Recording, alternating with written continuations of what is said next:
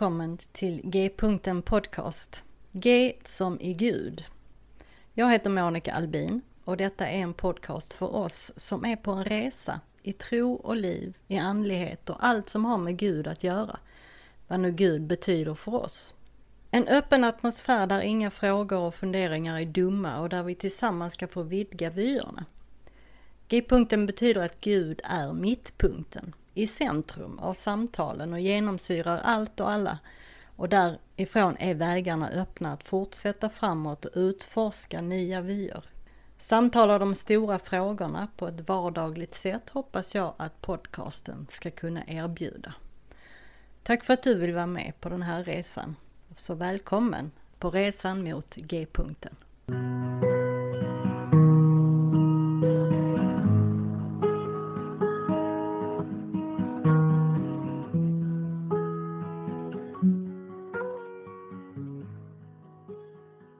Välkommen tillbaka till G-punkten Podcast.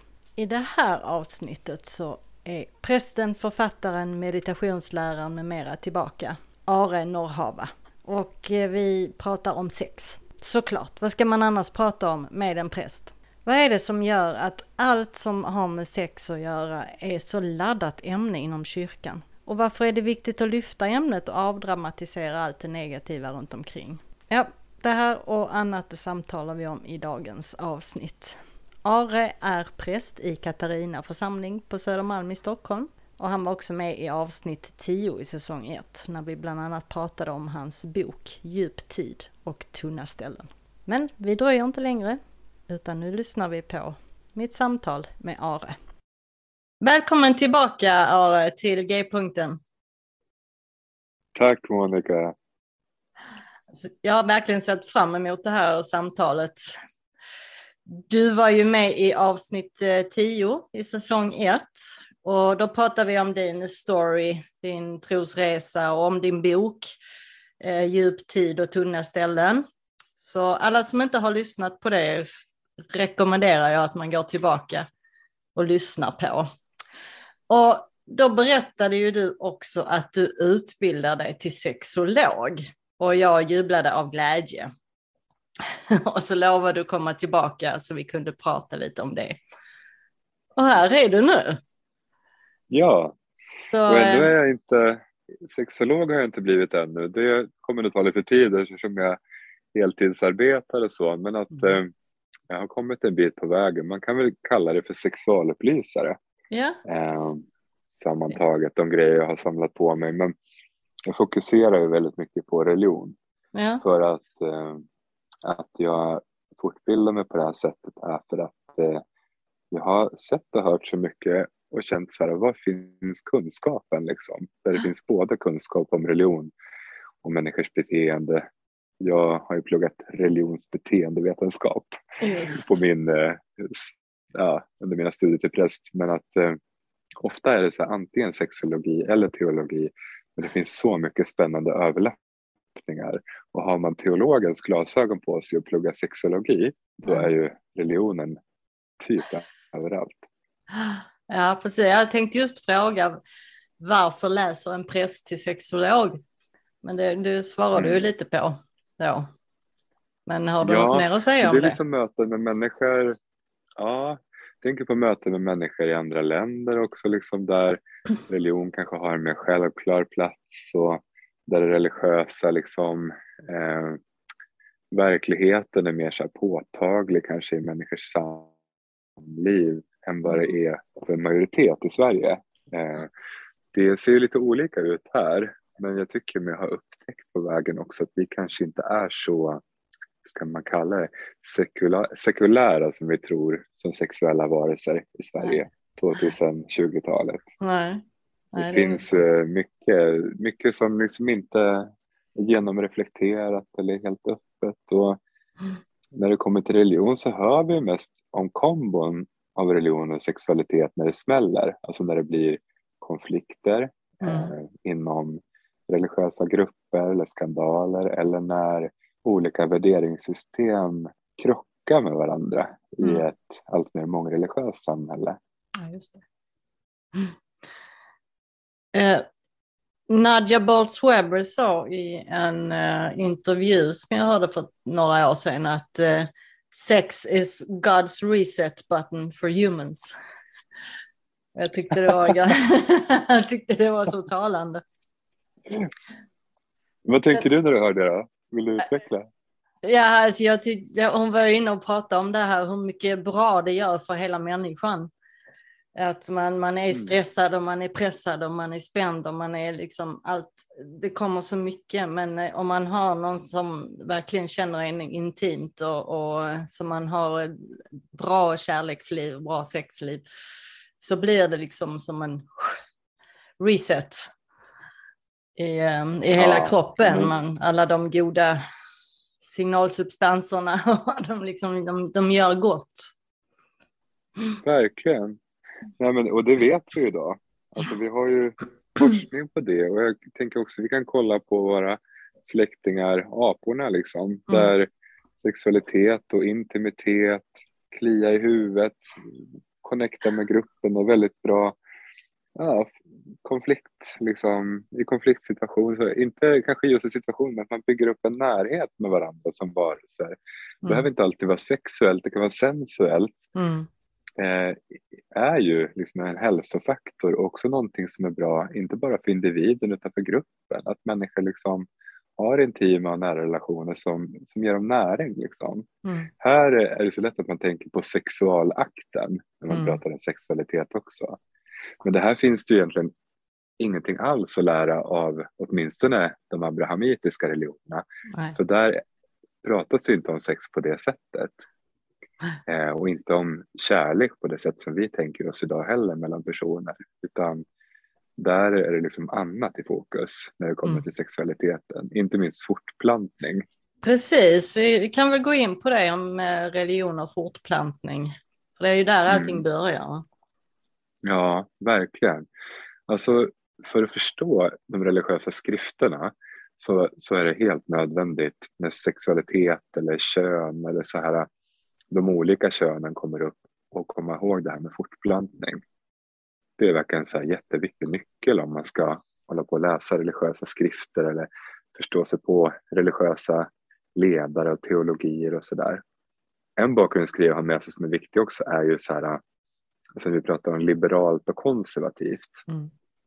Eh, personer som, som liksom uttrycker sig som mer religiöst konservativa vill ju gärna mena att hon läser Bibeln kanske lite mer bokstavligt eller liksom som det står. Vad det eh, betyder. Ja, det blir väldigt komplicerat just när det kommer till sexualiteten för då får vi med oss en massa företeelser som ingen tycker är bra i ett modernt samhälle. Liksom. Eh, allt från liksom, ja, men incest till liksom våldtäkter och sexköp. Så att liksom, den sortens bibelläsning till exempel blir väldigt svår eh, om man liksom ska hitta sin vägledning som sexuell och relationell varelse i Bibeln. Alltså, där, där, där, kan man ju behöva börja fundera på vilka tolkningskriterier man har. Alltså, vad väljer man då ut av allt det här som står om sex och varför? Mm. Men eh, om man försöker sätta sig in i människorna som har liksom, eh, lämnat efter sig de här texterna, då får vi tänka oss tider där barndödligheten, mycket, mycket högre. Mm. Det var många barn som aldrig blev vuxna. Och eh, vi måste också tänka oss en verklighet där kollektivet på många sätt är mycket viktigare än individen. Mm. Eh, det där ser olika ut i världen. Vi ligger rätt extremt åt det individualistiska i Sverige. Oh ja. mm. Så där kan det bli väldigt konstigt om man inte har tänkt på det och läser de här texterna. och så tänker man, ah, då ska man ha det rakt av i en helt annan sorts verklighet. Mm. För vissa saker kan ju låta väldigt grymma och ibland är de det också, men ibland handlar det också om att äh, men så här står det för att här är det helt enkelt viktigt att släkten fortlever mm. Än att varje individ liksom, eh, har ett tillfredsställande liv på något sätt. Mm. mm. Men eh, så att liksom när det kommer till det mesta i Gamla Testamentet, jag tänker vi kan hålla oss till de abrahamitiska religionerna idag. Om vi ja, vi, med. vi börjar där. Kristendom och islam. Ja. ja.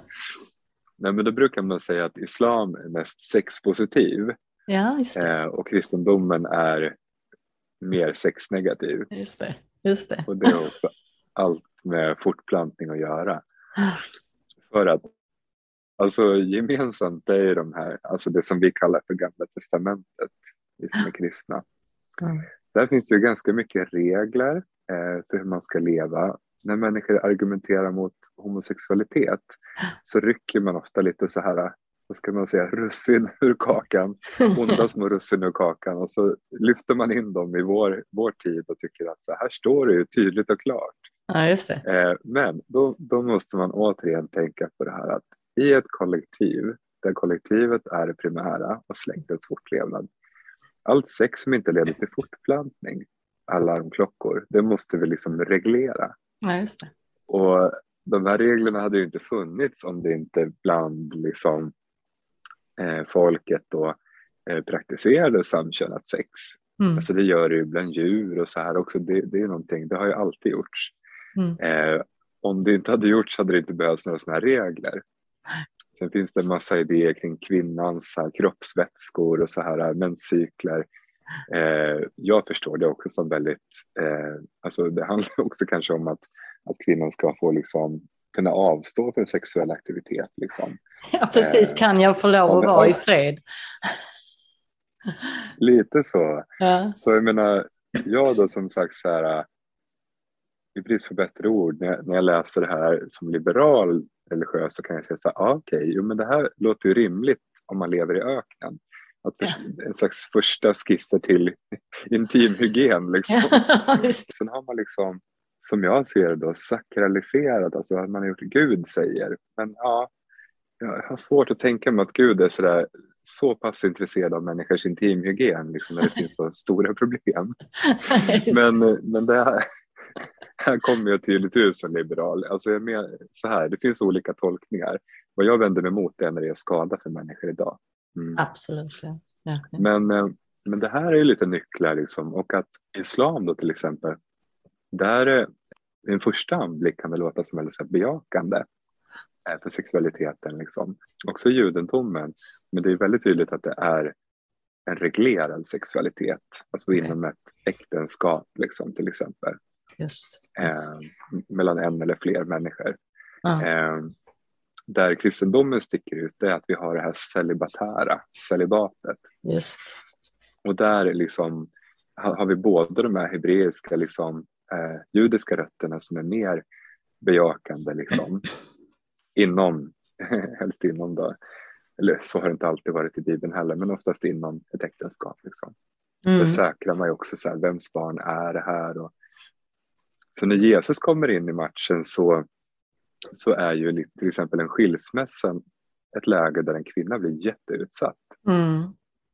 Han värnar ju alltid de utsatta. Mm. Så att när Jesus pratar om att man inte får skiljas så läser ju många det idag som att han också skyddar kvinnan. Mm. Eh, lika som änkan och den faderlösa, alltså de utan föräldrar, alltid utsatta bibliskt.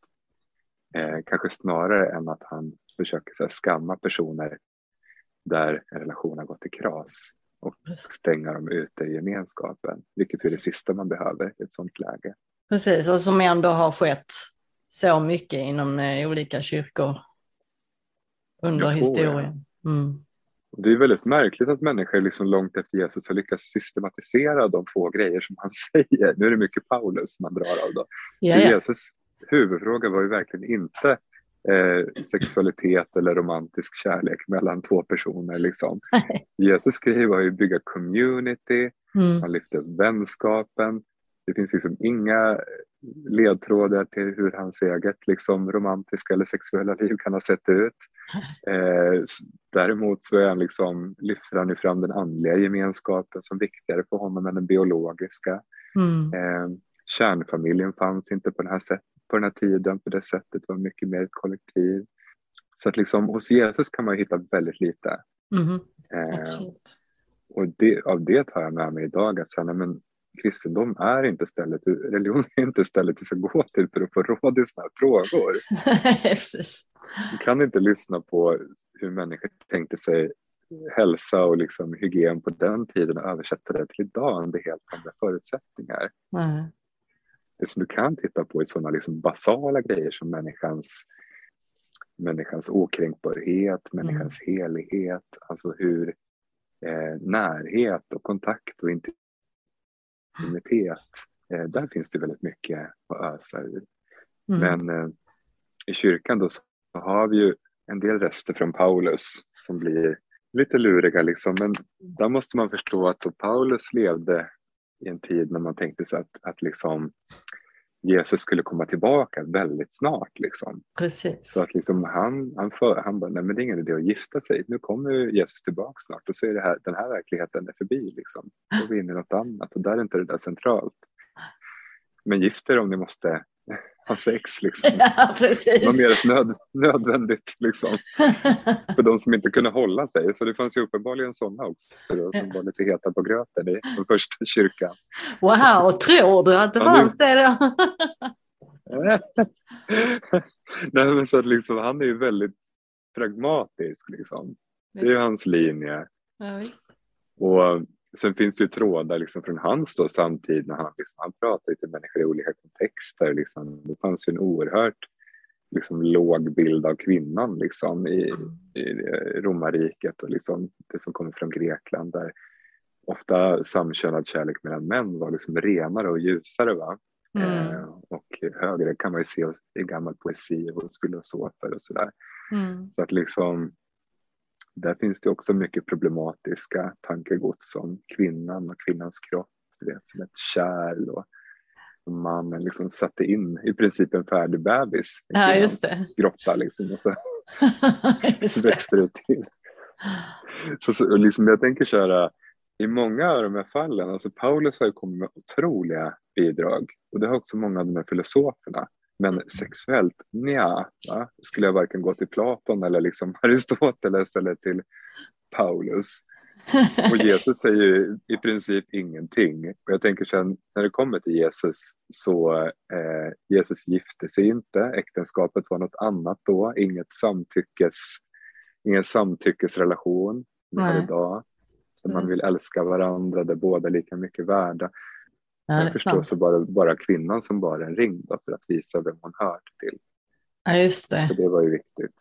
Ja, ursprungligen. Så att liksom, vi, har, vi har väldigt lite att ösa ur och ändå har människor tagit sig friheten att eh, bestämma väldigt mycket, gör det än idag och eh, har jag märkt liksom som öppet religiös och präst och öppet homosexuell människor som har tagit otrolig skada av att växa upp i sammanhang där liksom rena rama vidskepelsen va, som blir till gudomliga lagar. Och om vi tittar på själva godset så finns det ju massa, massa tankar om liksom hur viktig fortplantningen är. Mm. Eh, och eh, generellt va, i, i just liksom de abrahamitiska eh, källorna. Men i Jesus finns det nästan ingenting. Jag kommer att tänka på när någon kvinna frågade Dalai Lama om råd om så här barnuppfostran tror jag det var och han bara men vad ska jag svara på det här? Jag är munk. och det är någonting där så här, vi kan ju liksom inte söka hur vi ska leva tillsammans i en parrelation från Jesus som ju inte levde i en parrelation, vad vi vet i alla fall. Eller hur? Nej, precis.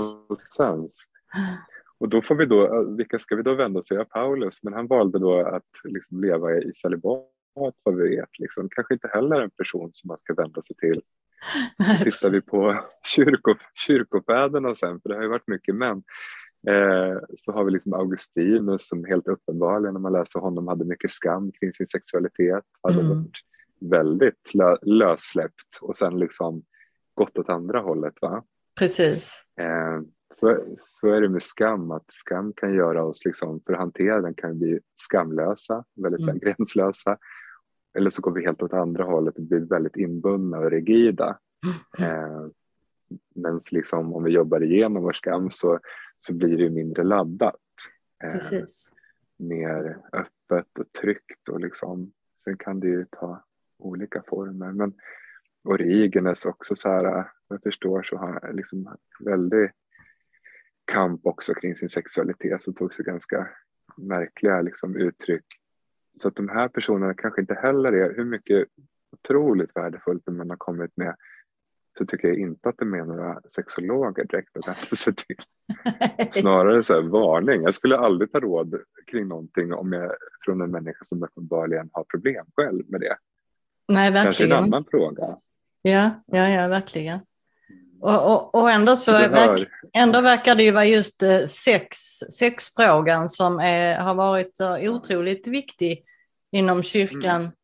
speciellt frikyrkorna mm. kanske, eh, under ja. ja. väldigt många år faktiskt.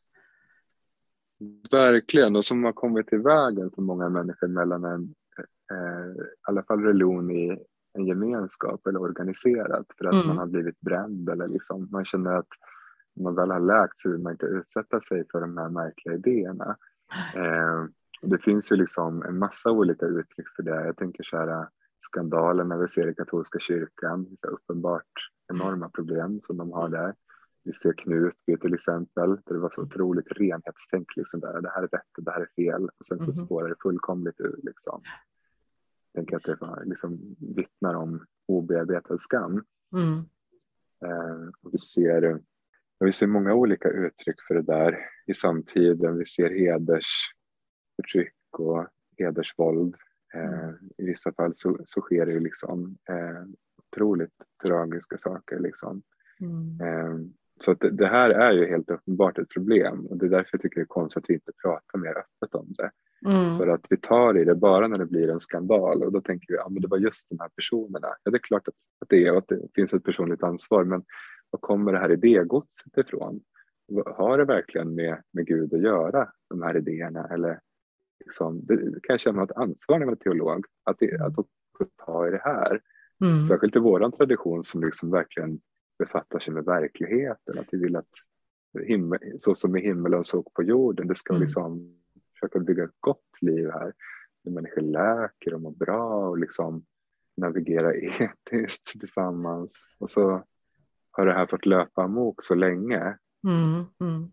Ja, man ser ju så många människor som blir skadade när man, eh, ja, som, som de här sexskandalerna i megakyrkor i USA och på andra ställen. Som, mm. eh, så många människor som har liksom, eh, ja, som har sett upp till de här och, och eh, sätta, tagit till sig den här undervisningen och, och, och sen så är det precis tvärtom liksom all, allting faller på något ja. sätt. Man, man blir väldigt, väldigt skadad. Ja, verkligen. Ofta är det de mest rigida och stränga och hatiska faktiskt som eh, är de som sen liksom rullar upp en skandal. Man mm. hittar något, liksom, någon film eller något foto och så blir det så nej, skulle bara resa mig upp och ta stund. Man bara nej.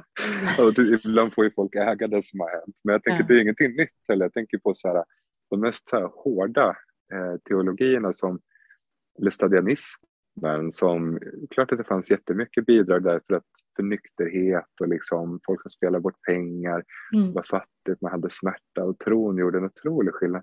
Men så blir det som liksom skulle hjälpa stelnar och hårdnar och börjar liksom plåga människor istället. Att man inte fick dansa, man fick inte liksom mm. ha gardiner och allt vad det blev. Och i det här också då, så liksom fanns ju den här Korpela-rörelsen, känner du till dem? Nej, det gör jag inte. Googla. Ja, det ska jag göra. Det finns böcker också om det. Men kor Korpela-rörelsen var ju ur lestadianismen men urartade ju fullkomligt. Alltså det var, folk var nakna i kyrkan och liksom kammade varandras könshår och penslade varandra i ryggslutet och liksom det låter alltså, liksom, så, ja, men alltså från den ena ytterligheten till den andra. Liksom. Mm. Jag tänker som, liksom, vi ser det här urartade. Det är klart att det finns en massa grejer där, liksom gruppdynamiskt och liksom makt och så här, men det är ju också till viss del teologi. Liksom, att eh, på något sätt lyckas man hämta de här märkliga idéerna ur eh, Bibeln.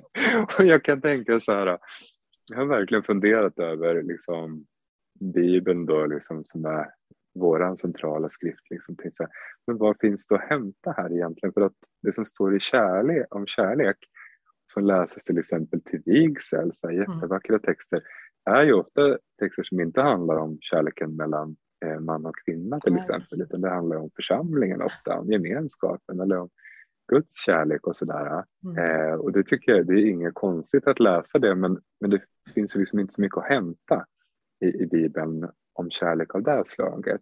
Mm. Eh, det som jag kan tycka finns är väl ändå så just den här idén om att människan är en helig varelse som är skapad till närhet. Då får vi mm. gå tillbaka till första Moseboken, liksom att människan ska inte vara ensam, människan ska inte behöva gömma sig i skam över sin nakenhet när Gud längtar efter kontakt med människan som hon är. Där finns det ju en del liksom gods, men det också, finns ju mycket som inte ropar samtycke i Bibeln. Just. Alltså en text som har slagits i huvudet mycket och slås i huvudet på hbtq-personer, det är den här berättelsen om Sodom och Gomorra. Ah, okay. Både inom islam och inom kristendomen används ju ofta, det heter ju till och med sodomiter ett tag. Ja, eh, då har man då tagit en berättelse eh, som inte alls handlar om homosexualitet. Mm. Eh, på den tiden så hade man ju dels inte de här benämningarna utan det var mer liksom sexuella handlingar av olika slag. Mm. Eh, men den här berättelsen liksom handlar ju så uppenbart om liksom det, det är så städer där människor behandlade varandra väldigt illa och särskilt så främlingen och den svage. Här är vi mm. inne på liksom det viktiga mm. i teologin. Eh, så kommer då två änglar liksom på besök till Lot och så eh, kommer en folkmobb och vill våldta dem. Det var ju mm. liksom inte för att de var män, alltså nu var de ju änglar då och, och kanske maskulint könade men det var ju verkligen ett uttryck för dominans och liksom för eh, ja men över maktmissbruk. För att verkligen så här, exakt över liksom gästen, över invandraren och precis innan så har vi liksom fått läsa om hur man kan få änglar på besök, att man ska vara gästfri och bjuda in. Mm, mm. Men det har man då lyft till att handla om homosexualitet. Men det är ingen som pratar om att Lot istället erbjuder sina döttrar som Nej. är oskulder att de ska få våldta dem istället. Nej, det har man bara lämnat det här. Det var inget konstigt liksom. Och senare så, liksom, så, så dör då hans hustru och blir till en saltstod. Och, och, och, senare så tar då döttrarna och super ner sin pappa turas om att ligga med honom för att det ska bli nya barn. alltså, liksom, det är ingen som nämner de här sammanhangen. Liksom. Och det kan man ju förstå om vi återgår till det här med att släktens fortlevnad var liksom viktigare än individens välbefinnande i många fall. Mm. Eller hur? Alltså mm. just det här liksom för, alltså, vem pratar om att Bibeln sanktionerar incest? Det är någonting liksom som vi vänder oss emot idag, de allra flesta av oss. Eh, men det sker därefter och bestraffas inte alls va? och fördöms inte. Så det blir liksom, jag tänker så här, hur man tolkar texterna kanske säger ganska mycket om vem man är själv också. Mm. Vad är det man ser i texten liksom? Alltså ibland så läcker vi information om oss själva när vi, alltså det är så otroligt tydligt med de här skandalerna vi nämner, folk som eh, ofta så här har mycket skam och hemligheter och så går de väldigt hårt åt andra människors beteende och sen så visar de sig själva vara de värsta kålsuparna. Liksom. Så, liksom, Bibeln i fel händer på något sätt kan ju få jättedestruktiva konsekvenser jättelänge. Men det kan också få helt otroliga konsekvenser. Men jag tycker summerar man det här liksom lite med skrifterna så tycker jag att man kan säga att så här, nej, Bibeln är inte en källa för liksom, råd och, och visdom för hur vi ska liksom ha vårt sex och samliv idag. Det, det. Och kommer en religiös företrädare och menar det, så här, spring eller gå till en utbildad person. ja, precis. Får man söka upp dig istället. Ja, ja. Alltså, jag gör inte det här för att jag vill jobba liksom på det sättet så mycket som jag tänker just att det här med att upplysa egentligen är mer centralt för att jag tycker att det finns så många problem och att sexualiteten ofta är elefanten i rummet på många sätt, liksom, bakom mm. sånt som är konstigt. Jag lyssnar ju på en, hel del eh, podcasts och läser böcker och, och så vidare. Och eh, jag, jag, märker det också att det är ändå rätt så många numera, i alla fall av de som jag lyssnar på då, som, som mer och mer pratar om just med kroppen och sexualiteten och också liksom intimiteten som en mer andlig andlig gemenskap, en mer andlig, jag, jag vet inte om jag säger aktivitet, men, men en, en andlig sak på något sätt. Och då, det får man ju nästan gå tillbaka till hinduismen för att eh, det är väl deras syn att det är liksom en andlig, andlig förening, en andlig energi i just sexualakten så. Men att det är, det är, inte bara, liksom, det är inte bara hinduismen utan att det här gäller människor, vi människor över, över, över hela världen i alla religioner egentligen. Vad säger du om det? Ja, men, ja alltså, det är lite komplext för att det, en sak är skrifterna och en sak är liksom hur människor har, har levt. Liksom. Mm. Mm. Eh, jag vet inte om det som vi idag kallar för tantrisk sexualitet i västvärlden är ju inte riktigt samma som rötterna för det. Liksom. Eh, det skulle man nästan behöva ha ett poddsamtal om i sig. Men, mm. men uppenbarligen så hämtar människor inspiration därifrån. För jag tror att människor har känt och liksom att många av dem känner att så här, i liksom, djup förälskelse, liksom i, i en nära relation så, så förnimmer vi någonting av Gud och det heliga. Eh, och vi kan göra det i, i sexualiteten. Det är väl där, tänker Nadia Bowles-Webber som du nämnde, brukar säga att här, sexualiteten är en konkurrens till, konkurrent till religionen. Ja, det är ja. därför religionen är så rädd för den. För att jag tänker så här på upplevelsen av transcendens, alltså att komma i kontakt med någonting som är större mm. än det egna självet. Men mm. också det här att liksom få djupkontakt med någonting större genom en annan person, mm. eh, genom alltså, tittar vi på mystiken i religionerna så finns det ofta så här att man får använda ett erotiskt språk eller ett sensuellt språk. Mm. Det finns ju alla skrifter i princip. Mm. Eh, för att uttrycka hur stort det är och hur eh, djupt det går i en människa. Eh, för jag tänker så här att tittar vi på liksom begreppet helighet då finns det egentligen som två olika tänk. Det ena är lite så här det är heligt som är avskilt, som är obefläckat, rent, eh, eh, som eh, är fulländat. Mm. Det finns. Men det finns också en syn på helighet som handlar just om intimitet och kontakt, där det perfekta spricker.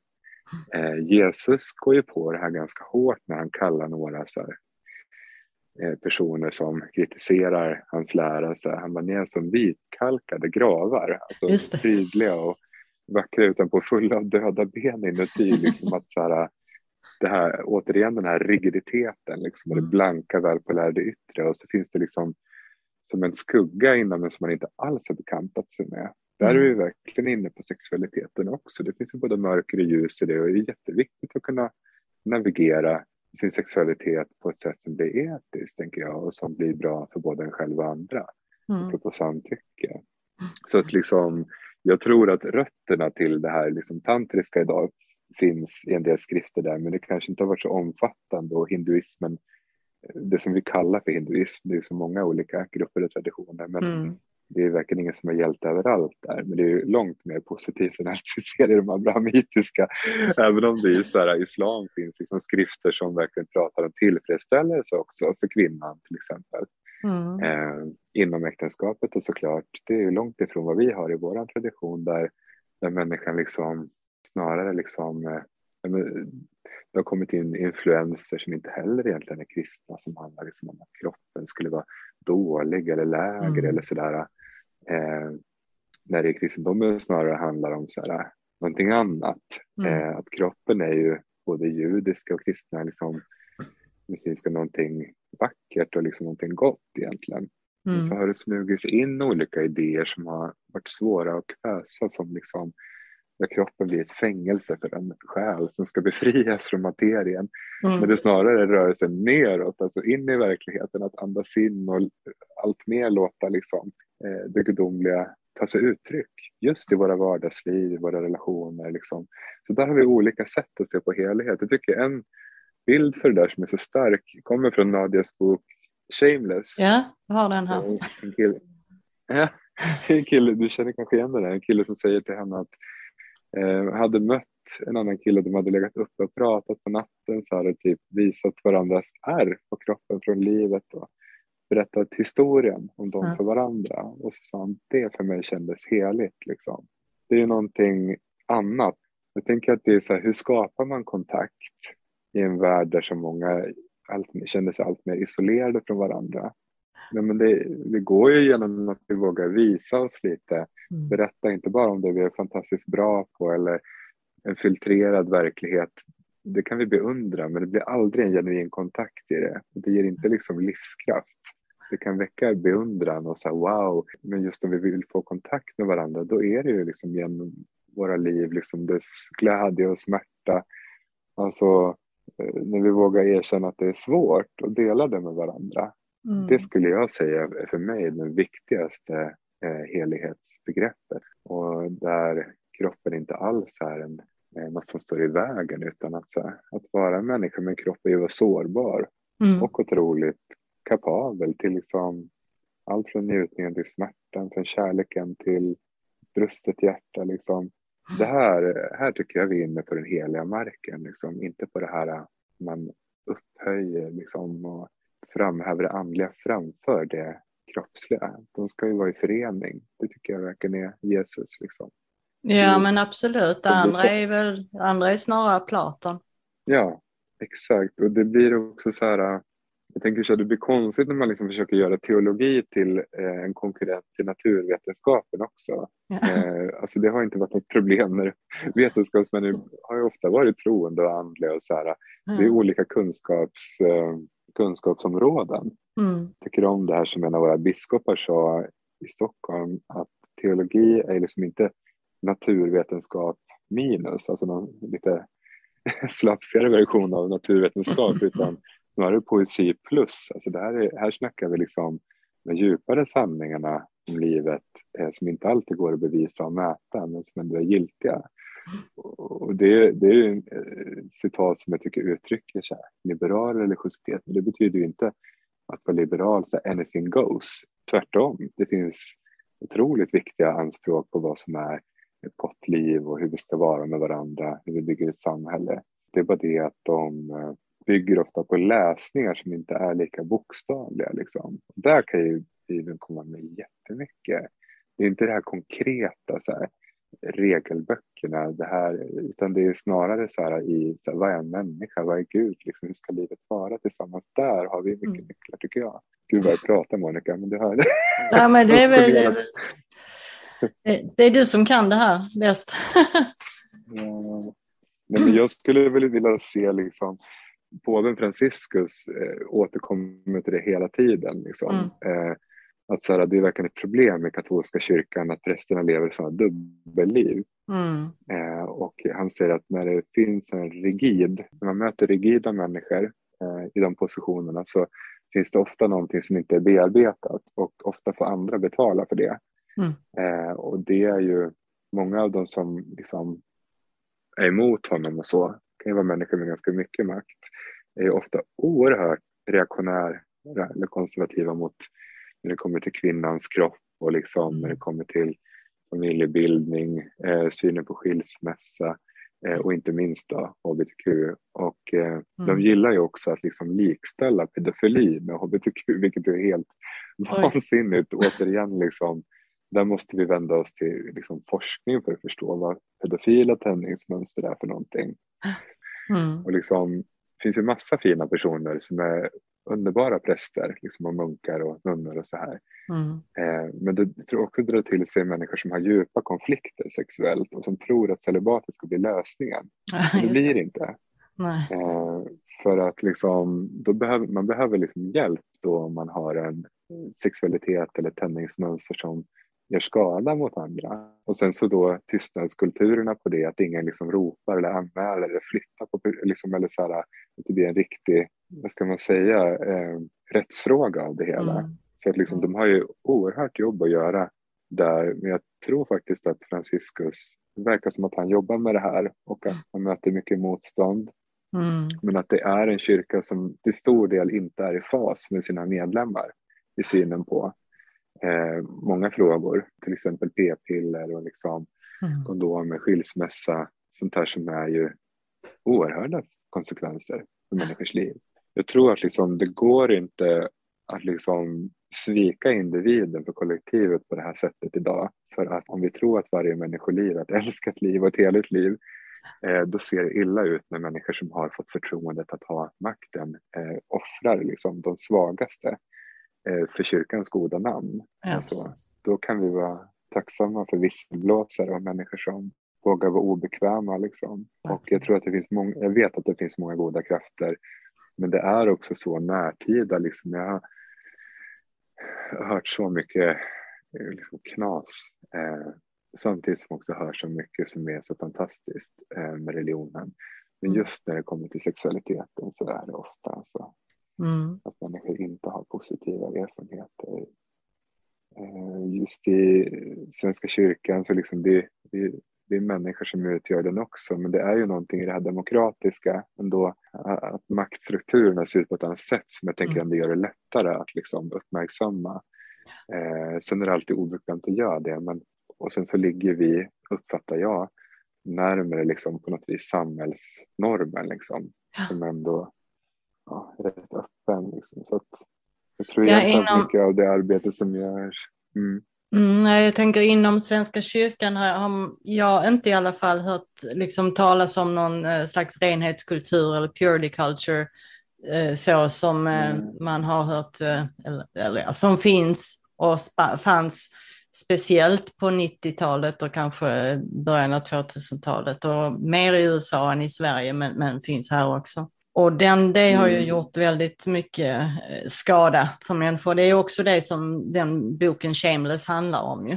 Eh, hur eh, så Mm. många, speciellt kvinnor men också män, men eh, övervägande kvinnor tagit skada av det här och att eh, ja, den rörelsen om eh, true love waits och, och man fick en ring av sin eh, pappa för man tillhörde pappa tills man skulle gifta sig och, och skulle man absolut inte ha något sex för äktenskapet och inte klä sig utmanande för att killar kan ju inte hålla sig. Eh, utan det var tjejernas fel alltihopa. Och, eh, och sen när man väl kom till bröllopsnatten då skulle allting vara perfekt. Och, Mm. och det var det ju inte. Utan eh, det var ju många som, ja det är väldigt många som har tagit skada rent både känslomässigt, mentalt, fysiskt och andligt och lämnat både Gud och kyrkan efter det. Verkligen, och det har funnits en tid, det finns fortfarande i USA, där man avspråkar då just avhållsamhet liksom, för unga människor. Liksom. Mm. Och det här är väl ett så här, ytterlighetsexempel på det, men nu börjar man ju då se forskningen då hur eh, svårt det har varit för många människor att på något vis, man ska bara som kvinna framförallt vara nej, nej, nej till allt med sexualitet. Mhm. Och sen plötsligt så gifter man sig och så bara här, men gud, då har man liksom inte, man har inte själv kanske utforskat sin kropp. Det kan finnas idéer om onani också, som Mm. mm. verkligen har en svag teologisk grund i Bibeln. Precis. återigen det här med fortplantningen Aha. som ställer till det. Det är liksom att man inte ska ha sex. Från början så, alltså för ordet heterosexualitet är ju namnet på en avvikelse, alltså typ en perversion. Och det Mm. betyder att ha sex utan avsikt att fortplanta sig. Ja, just det. Sådana där liksom- knasiga jag människor som... inte, vilka är det som blir kvar liksom? Som, det är inte många i världen som, som då inte är avvikare eller perversa på något sätt enligt det sättet att se. Men liksom, jag tänker så här att först då kanske senare i livet börja liksom så här lära sig om sin kropp och sexualitet. Det kan ju bli väldigt mycket så här, väldigt höga förväntningar. Man Mm. kanske har fått höra så här, det här liksom, att man är som en blomma kommer ju ofta upp så här och många har plockat ett blad, det blir inget kvar till Mm. mannen sen när man Mm. gifter sig eller till frun. Eller så här, en kaka som många har tagit en tugga av. Mm. Ja, väldigt skammande bilder. Mm. Eh, Och skam är ju farligt för våra kroppar liksom, och våra psyken om vi liksom inte hittar ett sätt att vara med den så att vi Mm. kan liksom få hjälp att hantera den. Särskilt när det kommer till sexualiteten. Så jag, jag tror också att så här, den hbtq-rörelse, liksom, vägen till öppenhet som har, som kommer i många kyrkor nu, jag tror att det handlar om mer än hbtq-personer. Jag tror att det handlar om, om många, många fler människor och just att vad är motsatsen till skam? Men pride, eller hur? Ja, ja. Alltså att, att, att glä, glädje, transparens, firande. Wow, vi har det här livet, vi har den här kroppen. Vi kan älska varandra liksom. Aha. Inte det där rigida och hårda utan så glädjen i att vara en besjälad kropp. Liksom. Det tror jag människor kan känna igen sig och få resonans med. i, i liksom Pride-rörelsen. Att det är också därför som det blir ett starkt engagemang i kyrkorna, liksom, man rörelse för öppenhet. Och det ser man ju på så här, eh, moskéer som är hbtq-vänliga. Eh, ofta får de låna buddhisters lokaler förstås i olika länder. Men det kommer många människor dit som är heterosexuella för de vill ha en, ett muslimskt sammanhang som känns öppet för sina barn och för sig själva. Eh, så att liksom, jag tror att, att skam också är en jättenyckel. Liksom. Och att eh, det är väldigt viktigt. Egentligen borde religionen hjälpa människor med att hantera sin skam, inte förstärka den. Nej, precis. Ja du, det är mycket det här. Ja, och sen så tänker jag också på så här, jag vet att Nadia nämnde det i samband med de här eh, otäcka ringarna, att eh, alltså om det är någonting som verkligen är så core kristet, liksom, så är det ju det här att liksom ta någonting som har gjort skada mot oss mm. och så liksom låter vi det smidas om. Alltså ja. som man smider om svärd till plogbill. Alltså vi gör det till någonting vackert och kraftfullt och nytt. Liksom. Och sådana erfarenheter finns ju jättemycket i hbtq-rörelsen. Alltså att man, mm. Dels så har man erfarenhet av att bygga gemenskaper utöver blodsband eller biologi för att man har varit tvungen ibland. Och eh, det tror jag många heterosexuella kan känna igen sig också. Det är inte alltid just ens biologiska familj som är ens, mest ens familj. Precis. Ibland är det det och ibland är det båda och. Liksom. En del av oss har glädjen att ha båda och. Men, men, men det är verkligen så levde också de första kristna liksom, i gemenskaper som hjälptes åt med livet väldigt mycket. Även om de inte alltid var biologiska. Då. Medan annars just blodsbanden och den här släktlinjen har varit det centrala. Så då bryter Jesus någonting som har funnits jättelänge. Mm. Eh, men det finns också det här liksom att jag tänker så här så mycket av andra skam som vi har fått bära och en del oerhört mycket. Ibland har ju det knäckt människor som inte finns med oss längre. Ja. Eh, och andra har liksom gjort ett oerhört arbete med att resa sig ur det och blivit riktiga så här, fyrljus för andra människor. Mm. Eh, där har vi också så här, nu snackar vi riktig kristendom, inte de här liksom syndakatalogerna utan så här, kraften i den här tron på riktigt. För det är ju starka grejer, det kan göra mig så helt upprörd att människor sätter sånt här i vägen. Mm. Att synd skulle handla om sexualitet. Där har vi återigen liksom Augustinus mm. som har liksom ställt till det bland annat och en del andra män liksom i historien. Synd är ju liksom, det är ju så här, när vi, när vi skadar varandra och liksom på något vis hindrar människor från att leva eh, barmhärtiga, generösa och goda liv tillsammans. Det, det, är liksom, just att det alltid skulle handla om sex och njutning är ju helt barockt. Liksom. Ja. Njutning är ju liksom någonting gott så länge det inte sker på andras bekostnad. Precis. Där, är, där snackar vi etiken, liksom, att kunna liksom, reflektera. Okej, okay, jag vill säga ja till min njutning. Hur blir det här för andra? Det är där det blir problem, inte i liksom, det egna så det, där, det där är jätteproblematiskt, att man tänker att man syndar när man njuter av någon god mat eller typ av, av vad det nu kan vara. Precis. Ja. På tal om att göra om det som är skadligt till någonting fint, eh, som du nämnde, de här ringarna. Det var ju verkligen någonting som Nadja gjorde där. Hon samlade in eh, mm. ringarna tillsammans med brev från var och en som skickade in där de fick berätta sin berättelse och så liksom bad hon för alla de kvinnorna. Och så eh, lämnade hon in alla ringarna och fick dem omsmidda till en vagina. Precis, alltså verkligen ett exempel på det. Precis. Som hon räckte över till Gloria Steinem. Precis, precis. Profilerad kvinnosakskämpe. Precis. Ja, och det, jag tycker att det, det finns ju en kraft och också en humor i det som, för skam tål ju inte humor. Nej. Ju spricka då liksom. När Precis. vi kan skoja om det som är. Visst, man tar ut det i ljuset så spricker det. Ja, det är fantastiskt. Ja, exakt. Men vi känner ju när det är på riktigt, när det, när det känns varmt, när det är gott, när det är liksom empatiskt. Mm. Det är mm. det vi behöver mer av i oss själva och i världen. Mm. Det är svårt ibland, inte, inte av skammen. Kommer du att skriva någon bok på det här ämnet kanske? Ja, alltså jag har tänkt tanken. Det, det, finns ju inte så mycket. Det är där. Mm. Jag har mm. ändå letat ganska mycket. Det finns en del och en del är väldigt kontextbundet. Jag tänker Nadias bok är fantastisk men känns det för mig också väldigt tydligt att den har växt fram i ett amerikanskt landskap Mm. i USA. Mm. Vi får se lite. Det är som att egentligen så känner jag så här, jag jobbar ju heltid Ja. och eh, du, vet liksom eh, väldigt intresserad av liksom bönelivet och liksom Ja. av så här, eh, egentligen så har jag andra större intressen. Jag gör det här både för att jag blir intresserad och för att jag känner mig nästan typ skyldig att göra det. Eller Ja. att någon behöver göra det. Vi får se lite vilken form det tar. Jag har Mm. några planer men de ligger liksom inte på prio A där mitt jobb och mina just relationer med min familj. Liksom. Det, är- men jag kan känna att det är jättekul när du sa att du ville prata om det för jag kan ändå känna så här Dels så tror jag att det, det behövs mer kunskap och sen så Mm. tror jag också att det behövs fler människor som kan gestalta en, ett annat sätt att vara religiös där man inte behöver liksom klippa bort vissa delar av sig själv Nej, utan att man kan vara en hel människa eh, med både lust och olust. Eh, Mm. Att det, jag ser inte så många, så mycket tydliga exempel på det utan det är som att det hade varit mycket lättare för mig att inte prata om det här med dig Mm. eller med någon så här publik liksom, Ja, för att det är så laddade ämnen. Men jag kan känna så här, ja men en del saker gör man för att det behövs. Liksom, det finns så många personer, så religiösa företrädare, präster med fler i olika religioner som står för någonting annat. Så att Mm. liksom, är vi några som kan prata liksom, med öppenhet och glädje om det här så tror jag att det är väldigt Mm. viktigt. Absolut. Eh, för jag vet, jag vet hur mycket lidande det här kan väcka.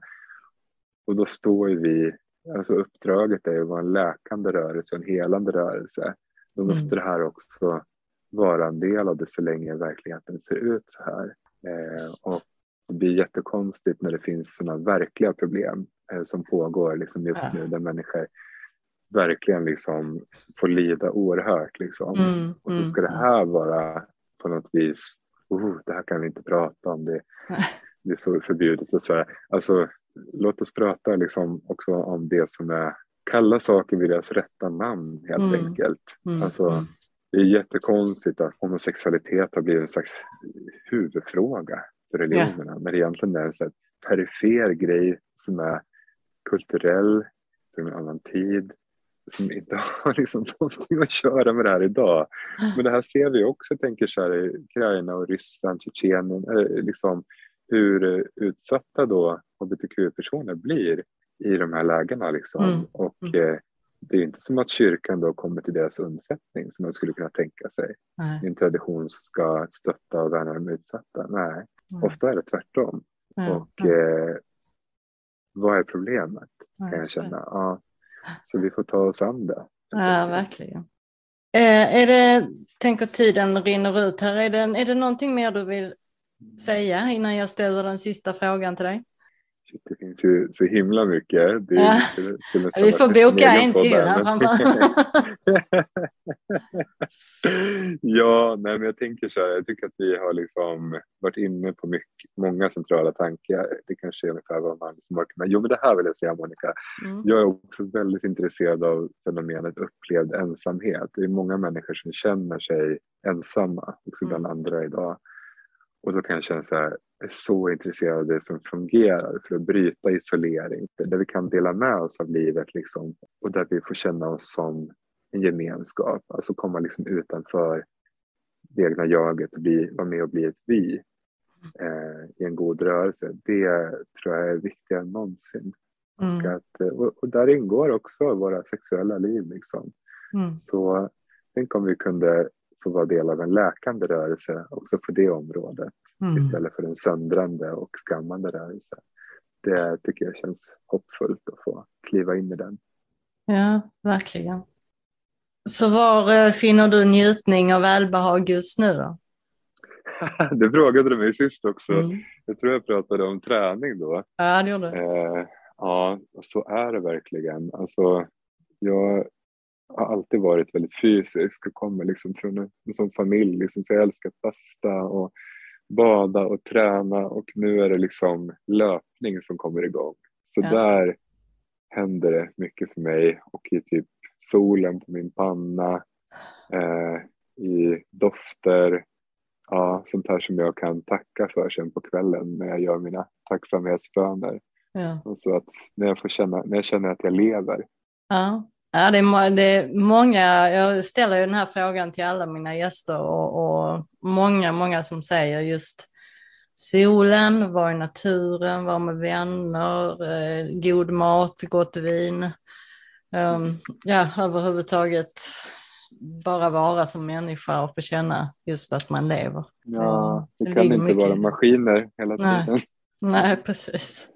Jag har gärna dig tillbaka fler gånger för att eh, du har så en stor källa och, ösa ur här av kunskap på många olika områden och, och eh, så att eh, om du vill så får du väl gärna komma tillbaka framöver. Ja, tack, så glad för våran kontakt. Du.